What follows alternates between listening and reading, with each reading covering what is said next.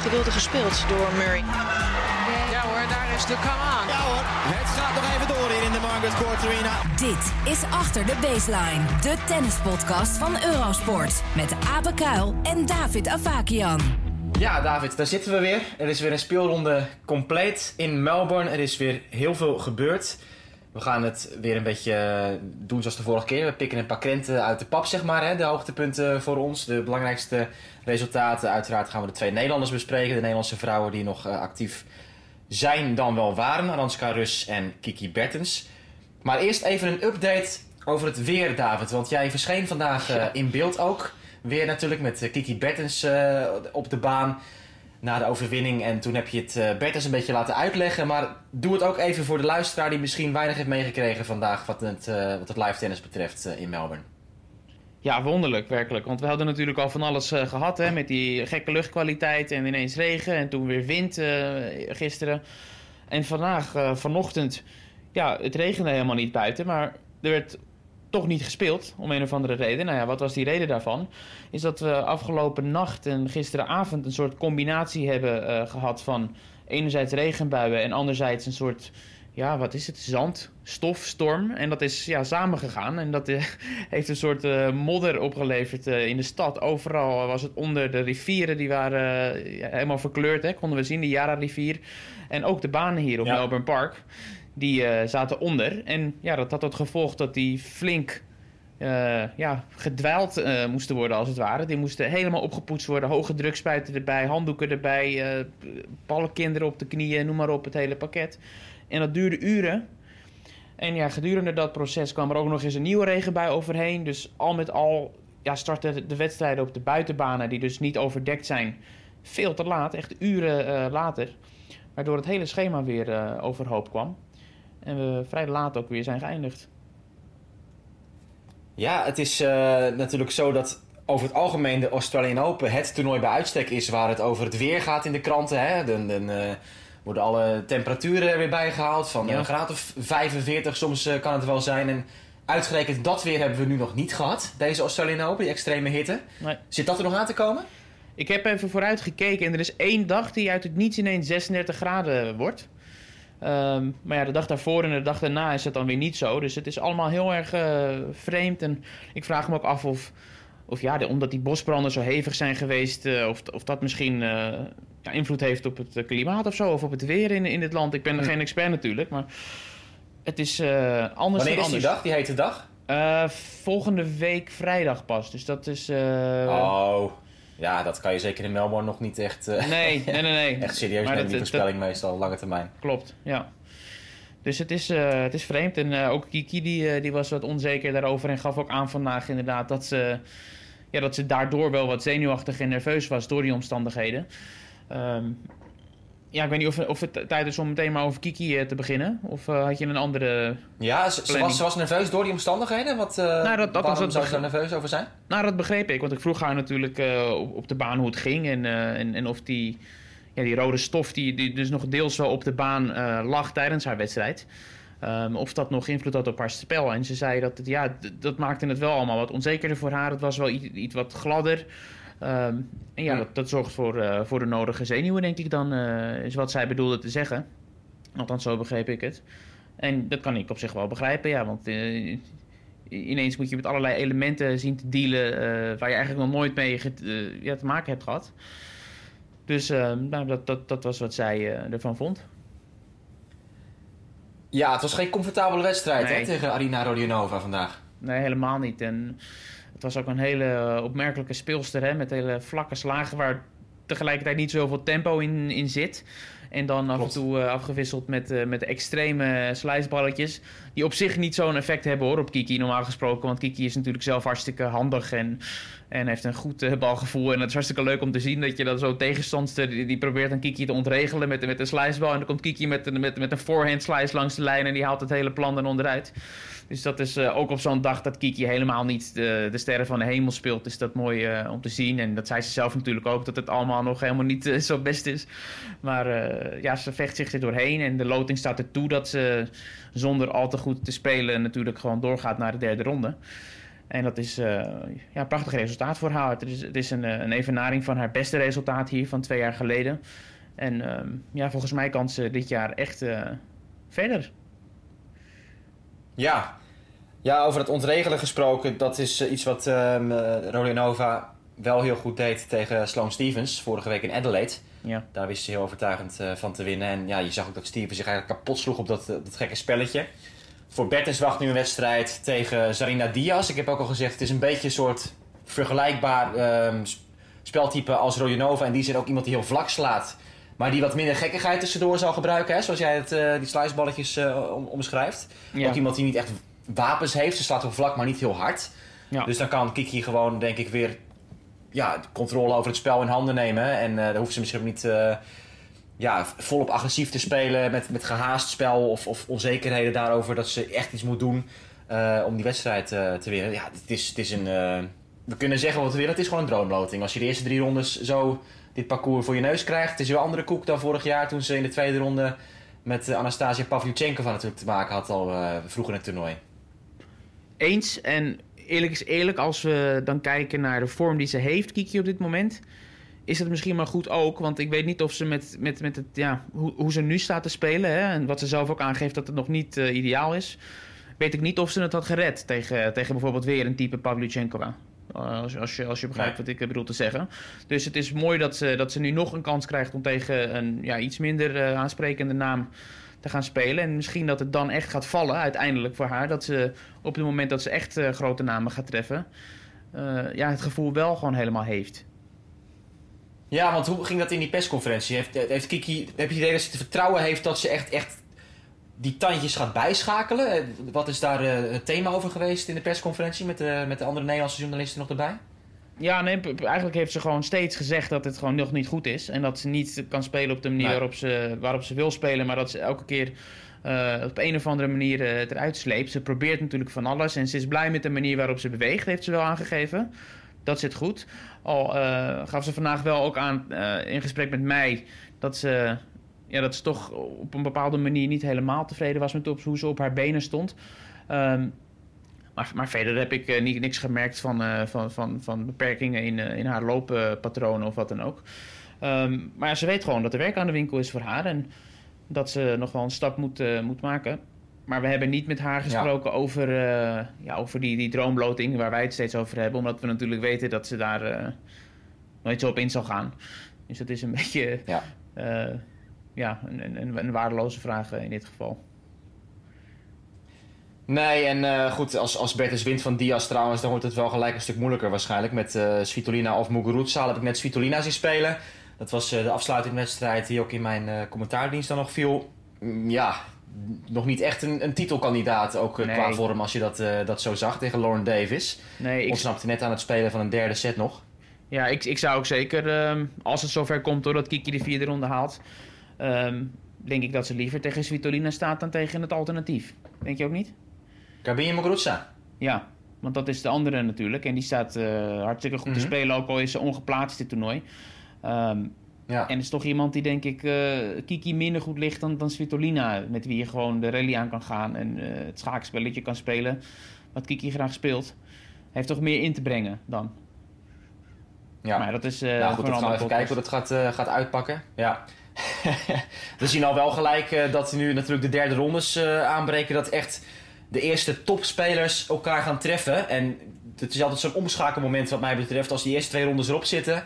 Dan krijg je natuurlijk de geplaatste spelers die elkaar tegenkomen al her en der in het schema. En nou ja. dan springen echt een paar prachtige affiches uit. Maar, maar dat, dat zetten we nog even on hold. Daar gaan we straks op, uh, op door. Okay. Als je dat niet erg vindt. Want ik wil nog ja. even doorgaan op, uh, op, op de dag van gisteren natuurlijk. Even de andere Nederlandse dame bespreken. Want Aranska Rus die heeft het uitstekend gedaan tegen Madison Keys. Tot halverwege de tweede set ja, volkomen met je eens. Ze, ze beet zich echt vast in die wedstrijd, zoals ook in die voorgaande wedstrijd deed. En dat helemaal niet de indruk dat, uh, ja, dat, dat ze iets, iets aanpaste. Ze, was gewoon op diezelfde manier bezig om al die ballen terug te brengen. En met die intensiteit te spelen en, en zelf ervoor te gaan waar het kon. En ze serveerde met een hartstikke hoog eerste servicepercentage. Zonder dat ze daar heel veel punten mee afdwongen uh, direct. Maar ze bleef daar wel gewoon uh, in al haar service games voortdurend. En ja, werd gewoon niet gebroken in die hele eerste set. Waardoor ze Klopt. in de tiebreak terechtkwam eh, met Madison Keys. En dat is natuurlijk sowieso al een, eh, ja, best een prestatie. Want we weten hoe Keys kan returneren. Dat ze echt alles aanpakt wat ze aan kan pakken. En ja, echt, eh, echt razend knap eh, hoe ze op de been bleef. Maar ja, uiteindelijk had ik toch ook wel vanaf het begin tot het eind het gevoel... dat op het moment dat Keys het een beetje op orde gaat krijgen... Hè, als ze, als ze die, die, die laatste klap in de rally ja, onder controle krijgt... dat het dan wel snel afgelopen Mhm. had kunnen zijn voor Rus. Ik weet niet of jij dat ook zo eh, een beetje Ja. hebt bekeken.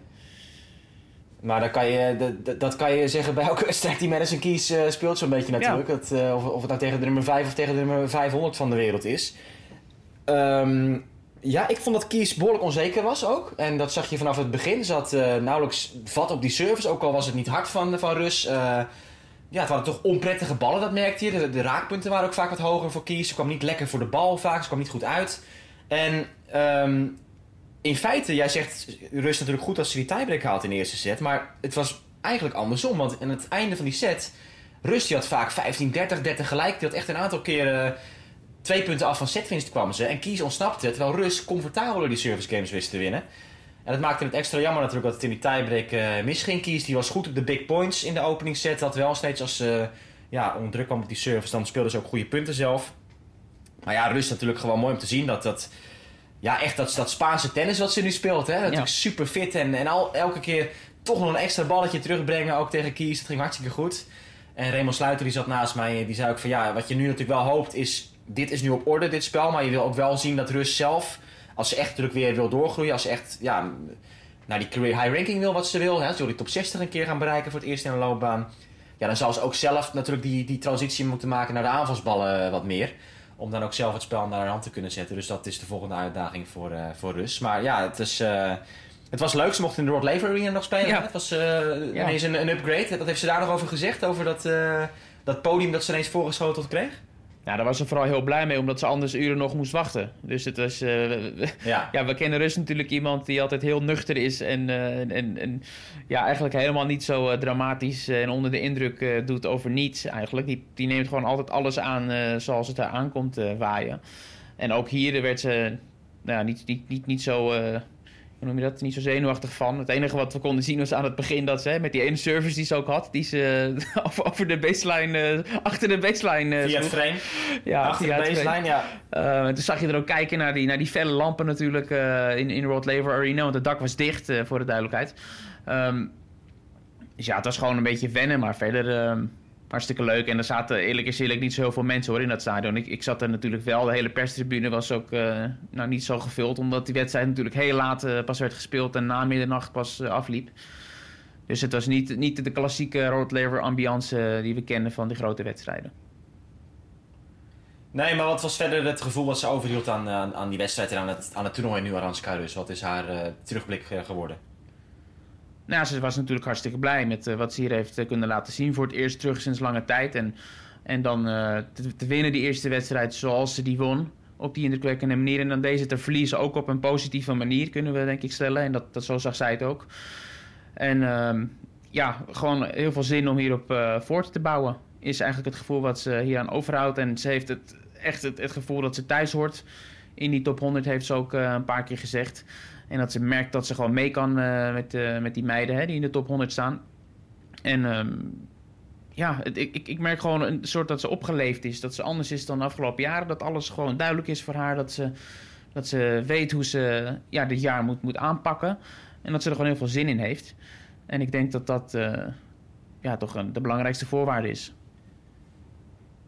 Hoe zat dat nou met haar coach? Want die zou nog overvliegen of zo, had jij het over. En die probeerde om die tweede wedstrijd te halen, maar die was niet, eh, niet aanwezig. Nee, ik, ik heb, daar zijn we niet meer op teruggekomen. En ik, eh, ik wilde er ook nog vragen, maar die kans heb ik, eh, heb ik niet gehad, helaas.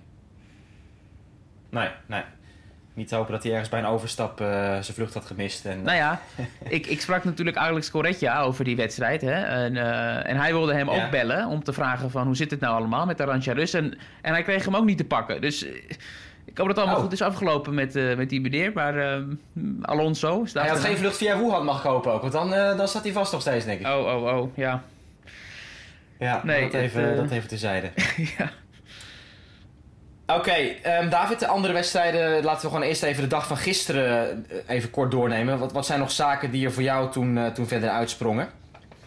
Eh, bij de dames? Ja, we beginnen met de dames, ja. Oeh, ja, nou, ik, ik wil eerst gewoon een algemene opmerking maken, denk ik. Ik weet niet of jij die statistiek ook hebt meegekregen. Dat voor het eerst sinds, Ik weet niet 2000, sinds 2009, Wimbledon, ja. hebben alle Ja. tien, de top 10 seeds bij de vrouwen de derde ronde gehaald. En dat is ook de reden dat Nog één keer sinds wanneer? Sinds Wimbledon 2009. Dat de top 10 seeds Zo. bij de vrouwen allemaal de derde ronde hebben gehaald. En sterker nog, slechts één van die top 10 seeds heeft een set verloren tot nu toe. En dat is uitgerekend de nummer 1 van de wereld, Ashley Barty. Dat is de enige top 10 seed Ja. die een set heeft verloren. En ja, dat is, dat is ja, waanzinnig. Zo'n statistiek. En dat maakt Ja. ook, wat jij aan het begin zei, dat er zoveel van die mooie affiches zijn hè, in de derde ronde. Met, Ja. met die geplaatste spelers tegen elkaar. Nou ja, goed, dat is eh, de reden. Ja, natuurlijk moeten we ingaan op de wedstrijd waar we het eh, ook qua voorbeschouwing veel over hebben gehad. Caroline Wozniacki tegen Diana Jastremska. Ja, ja. Waarom heeft Jastremska daar niet gewonnen, David? Waarom Jastremska niet heeft gewonnen? Nou, omdat ze te maken heeft met een, met een hele bijzondere tegenstander, eh, als je het mij vraagt. En dat is iemand die natuurlijk in haar hele carrière eh, vanuit eh, allerlei ver- vervelende posities is teruggekomen om wedstrijden te winnen. En ze liet het in haar allerlaatste toernooi notabene zien dat nog steeds te kunnen. En het tactische vernuft nog steeds te hebben. Want ja, in beide sets stond Jastremska natuurlijk gewoon een dubbele break voor in deze wedstrijd. En ik zeg beide sets, omdat ze uiteindelijk gewoon in twee sets heeft verloren, Jastremska, met 7-5, 7-5. Dus ja, waarom heeft ze niet gewonnen? de eerste set 5-1, hè? Ja. En dan verliezen dus 7-5. Ja, het, het, is, het is waanzinnig. Het is waanzinnig wat, eh, wat- wat daar gebeurde. En eh, natuurlijk moet ze die set gewoon winnen. Ehm, maar ja, je kan toch ook eh, niet Het ontkennen is ook dat... een beetje de, de carrière van Wozniacki in een notendop, Ja. hè? Dat, dat, Ja. het, het, het, het achterkomen, het overwinnen, het een oplossing vinden en dan toch, toch met die zegen aan de haal gaan. En vanuit, vanuit natuurlijk ja, het perspectief dat de tegenstander in feite de ja, indruk maakt, hè, de controle heeft, het spel dicteert en, en Wozniacki maar gewoon eh, ploeteren en werken en, eh, en uiteindelijk als winnares de hand schudden van eh Jastremska. Overigens deed ze dat natuurlijk niet met heel veel ehm, ja, genot. Nee, ja, ik, ik wilde... De hand schudden van, ja. van Diana. Want we moeten wel een, een, een, even een heikel puntje bespreken wat Jastremska Ja, betreft natuurlijk. Iets waar Kiki Bertens ook al wat over heeft gezegd. En dat is dat ze een beetje de neiging Ja, ik ben- als het tegen zit, als het spannend wordt, dat er ineens ergens een pijntje in het lichaam schiet. Laat ik het zo zeggen. Ja, ja, exact wat je zegt. En ik was heel even bang, moet ik zeggen, dat jij als voorzitter van de Diana Jastremska fanclub eh, dit heikele puntje even wilde overslaan.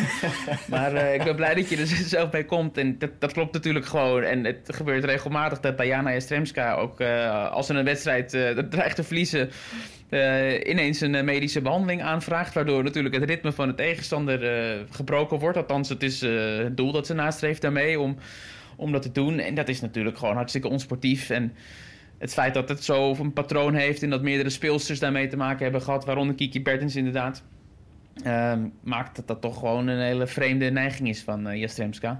Bertens inderdaad, die zei dat, Ja. eh, dat ze dat drie keer maar liefst heeft meegemaakt eh, tegen Jastremska al. Inderdaad. Ehm, en ook als je keek op social media eh, achteraf, eh Donna Vekic eh, bijvoorbeeld, die, die was ook allerlei dingen aan het liken die erover gingen, over, over het vermeende onsportieve gedrag van Jastremska. Dus ehm, ja, niet razend populair. Nou, en Wozniacki die, die was er ook echt, echt fel op hè, in de persconferentie. Zo, Ik begrijp ook ja. dat ze voor de Deense televisie behoorlijke uitspraken heeft gedaan.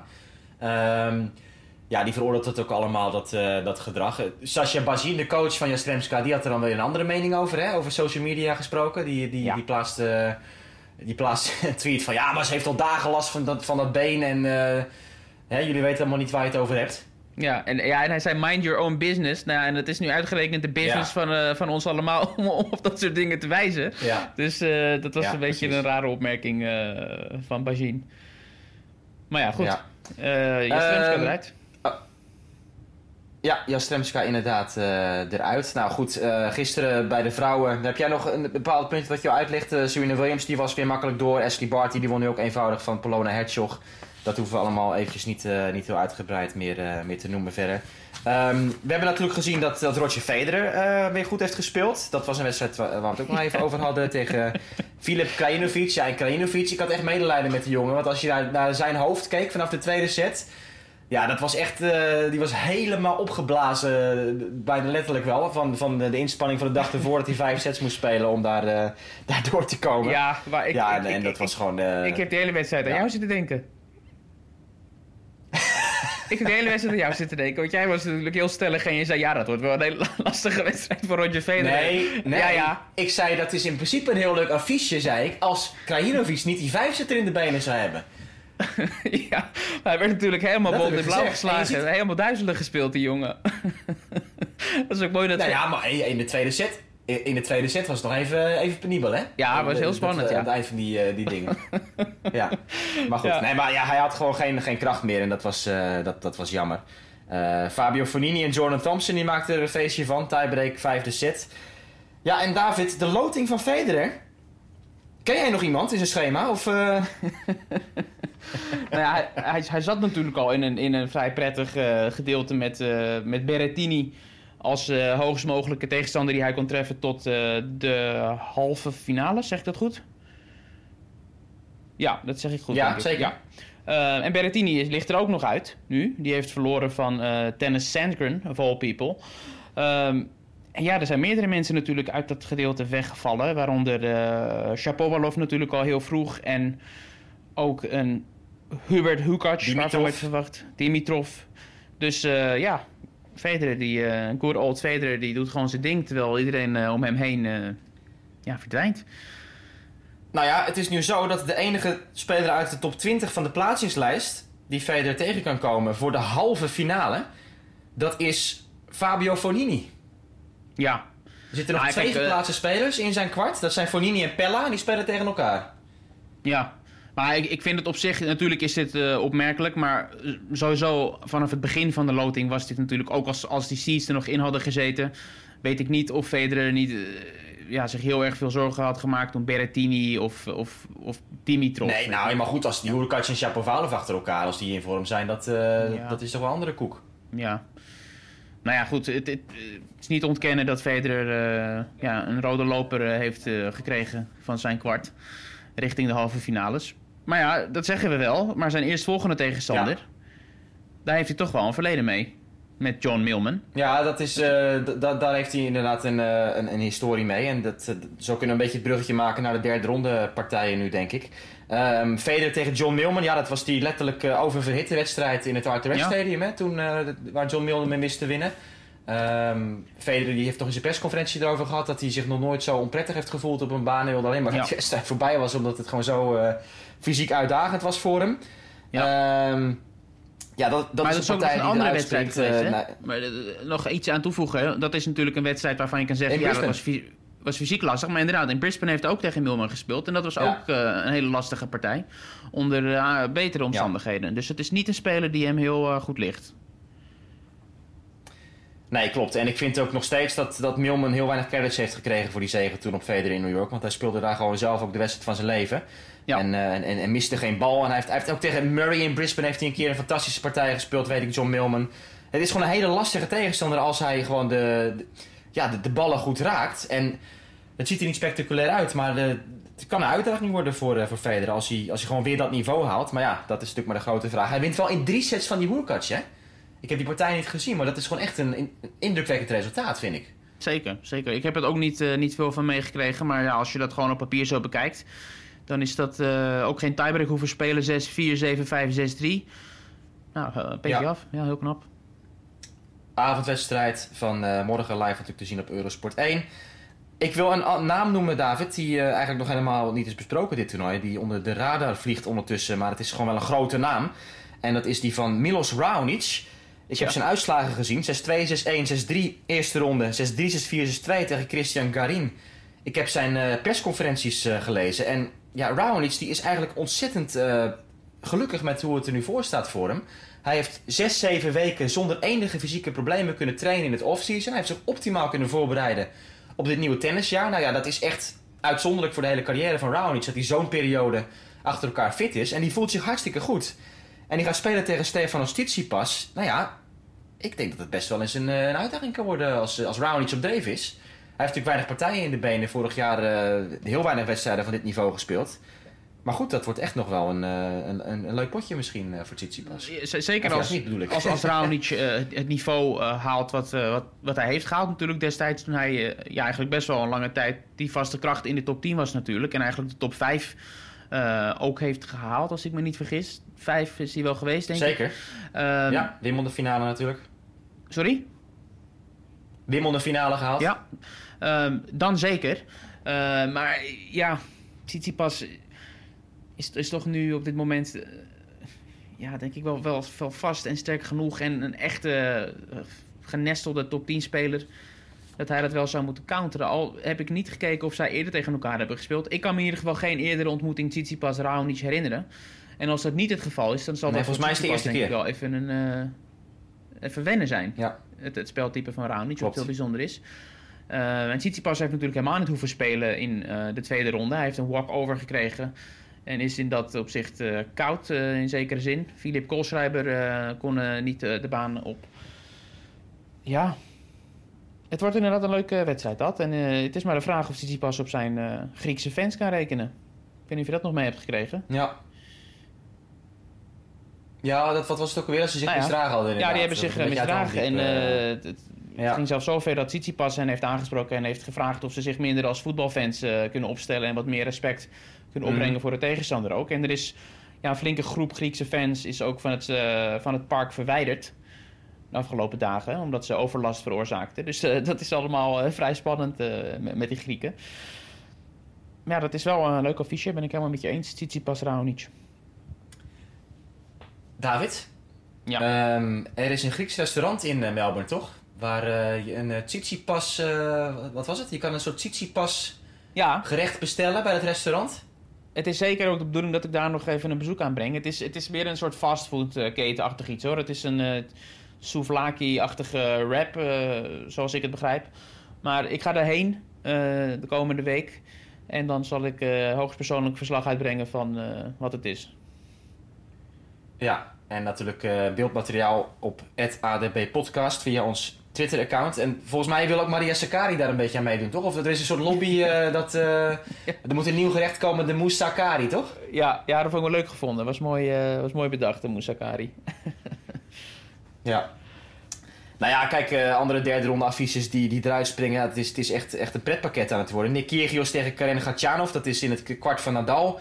Bovenin, dat zal een overmorgen zijn. Monfils tegen Gulbis. Nou weet je ook niet wat je gaat krijgen. Taylor Fritz tegen Dominic Thiem. John Isner, Stan Wawrinka.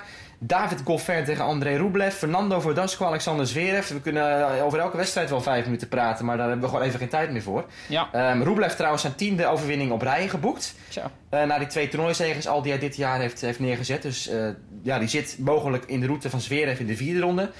Dat gaan we allemaal in de gaten houden. Wat mij betreft is, is Rublev daar de grootste kans hebben om gewoon de, de, de kwartfinale te halen.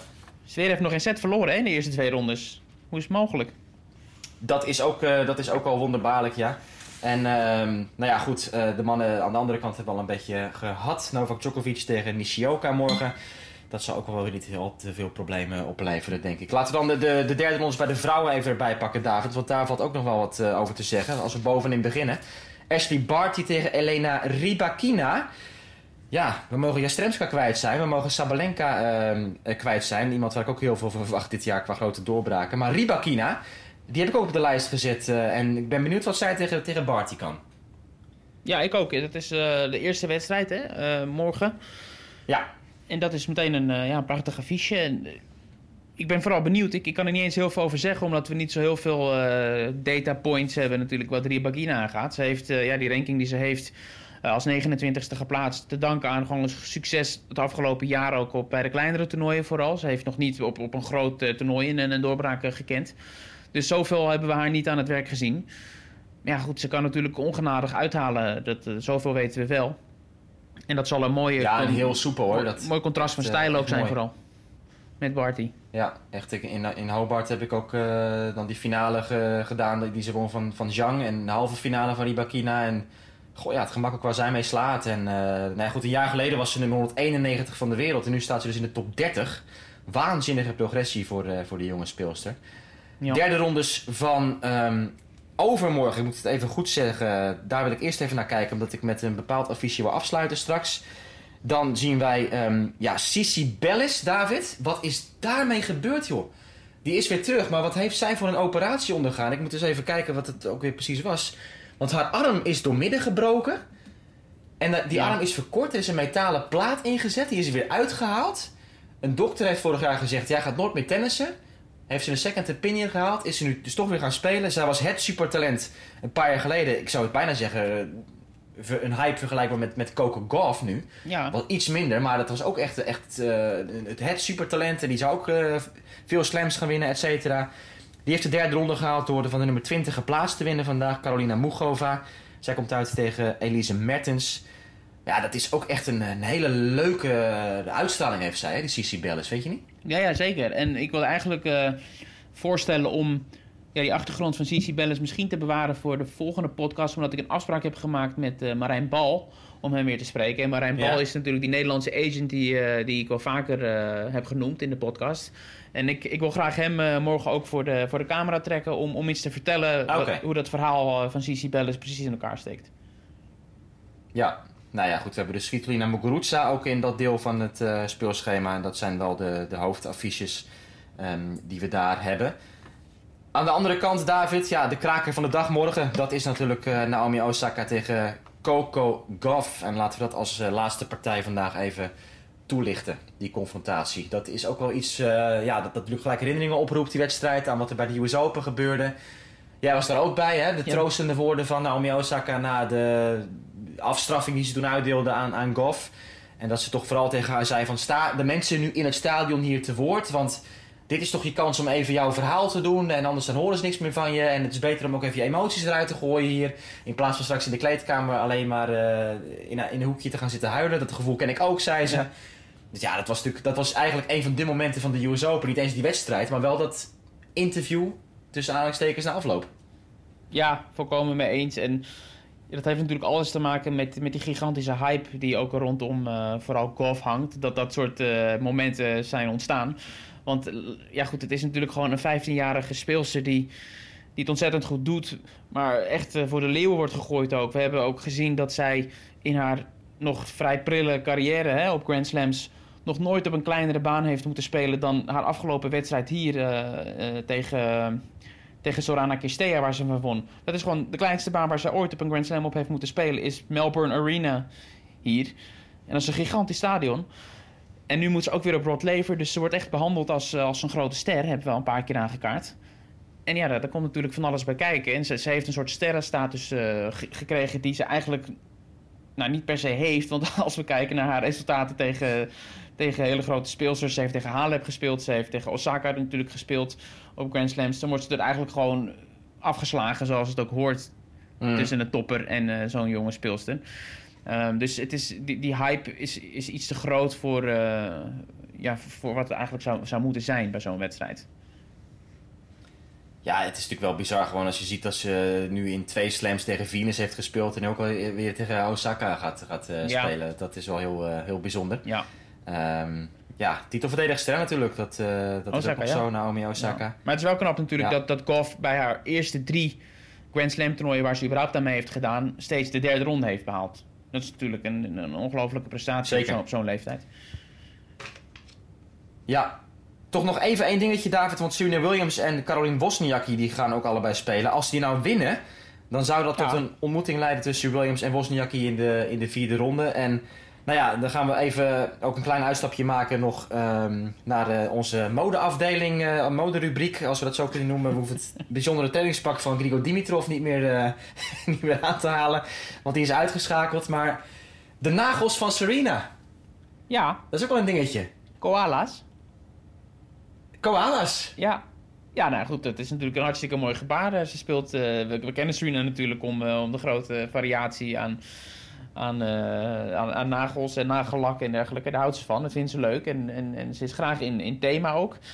En ja, volgens mij heeft ze aangegeven dat het een soort eh, ode ook is aan eh, de wildlife in, in Australië. Dus nou, hartstikke, hartstikke leuk gebaar. Ja, goed. En dat morgen dus Williams tegen Wang, waar ze heel makkelijk van won bij de US Open. Wozniacki terecht. Zo, ja. Ons jabeur. Ja, het wordt een, een, een, prachtige dag met veel mooie affiches. Morgen dus geen Nederlandse inbreng. We wachten op Kiki Bertens. Die gaat spelen tegen Zarina Diaz, nummer 73 van de wereld. Overmorgen is dat. Dat is ook de dag dat wij onze volgende aflevering van Achter de Baseline op gaan nemen. En dus zeggen wij graag tot dan.